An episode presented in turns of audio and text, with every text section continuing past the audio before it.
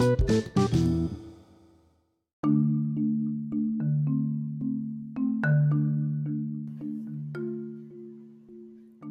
jumpa lagi dengan saya Christian Guswai.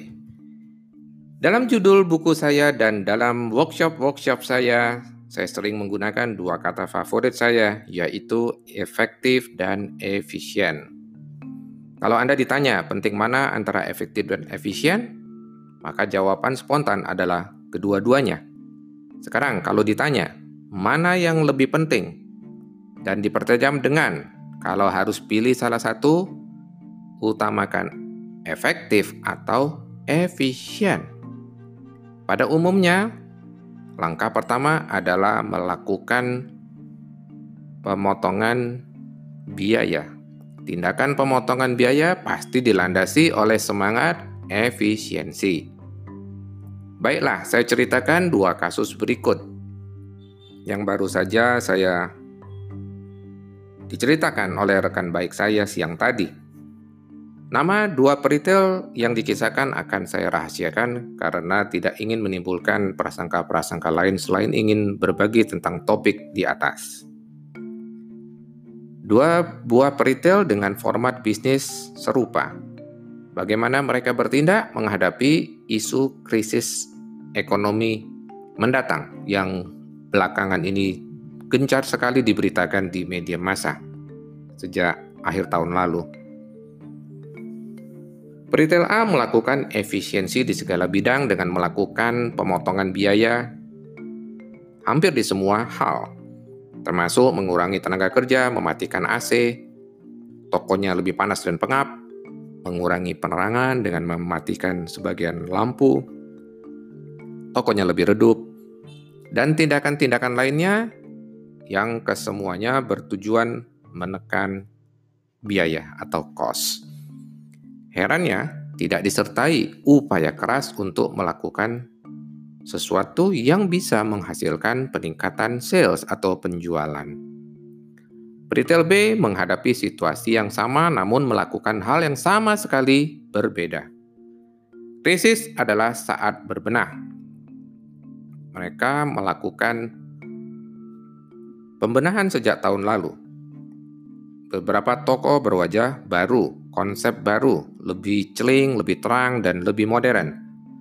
Tampilan karyawannya pun dipoles sehingga lebih menarik. Di segi merchandising, mereka belajar dari situasi ekonomi masyarakat.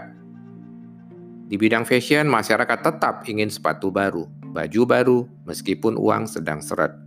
Solusinya, adakan sepatu, baju, dan produk murah lainnya tidak perlu yang mahal karena harga sebanding dengan kualitas. Jadi dengan kualitas yang tidak setinggi biasanya, namun tidak kalah dalam hal mode dan tren terkini, maka harga bisa lebih murah. Upaya yang dilakukan peritel B pun menampakkan hasil. Menutup tahun yang baru lewat, peritel A membukukan penurunan sales, sedangkan peritel B malah menunjukkan kinerja yang sangat memuaskan, tetap tumbuh, bahkan tumbuh dua digit. Belajar dari dua kisah di atas. Pada umumnya, tindakan pertama kita dalam menghadapi situasi krisis adalah menekan biaya. Jarang sekali peritel berpikir bagaimana meningkatkan penjualan. Saya tidak ingin mempertentangkan kedua tindakan tersebut, namun saya ingin menganjurkan supaya segala daya upaya kita bukannya digunakan untuk bagaimana memikirkan menekan kos, tetapi gunakan itu untuk meningkatkan penjualan. Tentu saja, sumber daya yang sudah ada harus produktif. Ini saatnya berbenah dari segala sisi. Semua orang harus pada performance terbaiknya Justru pada saat krisis akan lebih mudah melihat siapa yang memberikan kontribusi terbaiknya.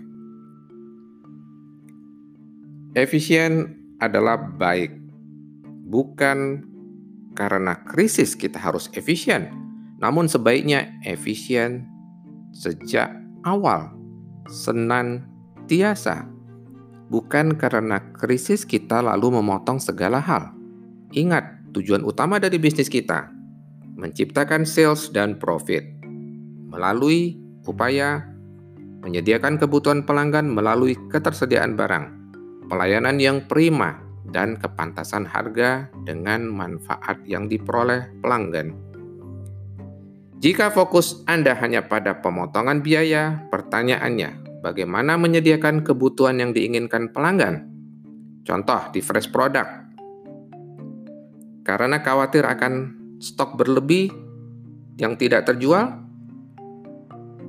seorang peritel tidak menjual seafood secara lengkap, melainkan hanya pada weekend atau akhir pekan saja. Pertanyaannya, lalu kalau hari biasa ada pelanggan yang ingin belanja seafood, mereka harus kecewa dan beralih ke tempat lain. Artinya, kita tidak bisa diandalkan sebagai tempat belanja harian, melainkan tempat belanja akhir pekan saja. Karena ingin efisien, kita tidak mengoperasikan penuh AC Akibatnya toko menjadi lebih panas, pelanggan harus berkeringat belanja di tempat kita. Inikah layanan yang prima itu? Karena ingin efisien, beberapa lampu dimatikan, bahkan yang putus tidak diganti dengan yang baru. Maka toko kita akan redup dan menimbulkan suasana remang-remang yang tidak bersemangat. Sama seperti semangat pengelolanya yang mulai redup. Karena ingin efisien, rasio pegawai dengan luasan area tidak sebanding, mengakibatkan sulit sekali memuaskan pelanggan. Berapa sering pelanggan harus mencari-cari petugas kita yang sering kali menghilang dari peredaran di lapangan?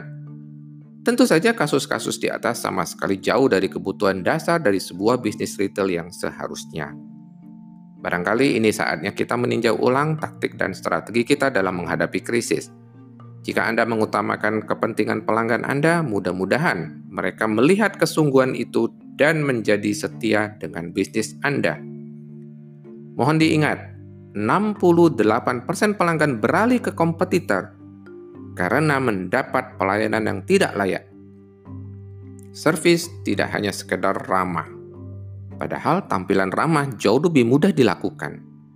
Kalau untuk ramah saja kita bisa gagal. Bagaimana untuk melakukan yang lebih dari itu? Demikian episode kita kali ini. Semoga bermanfaat dan memberikan pencerahan. Sampai kita berjumpa lagi di edisi mendatang. Salam, grow, and prosper.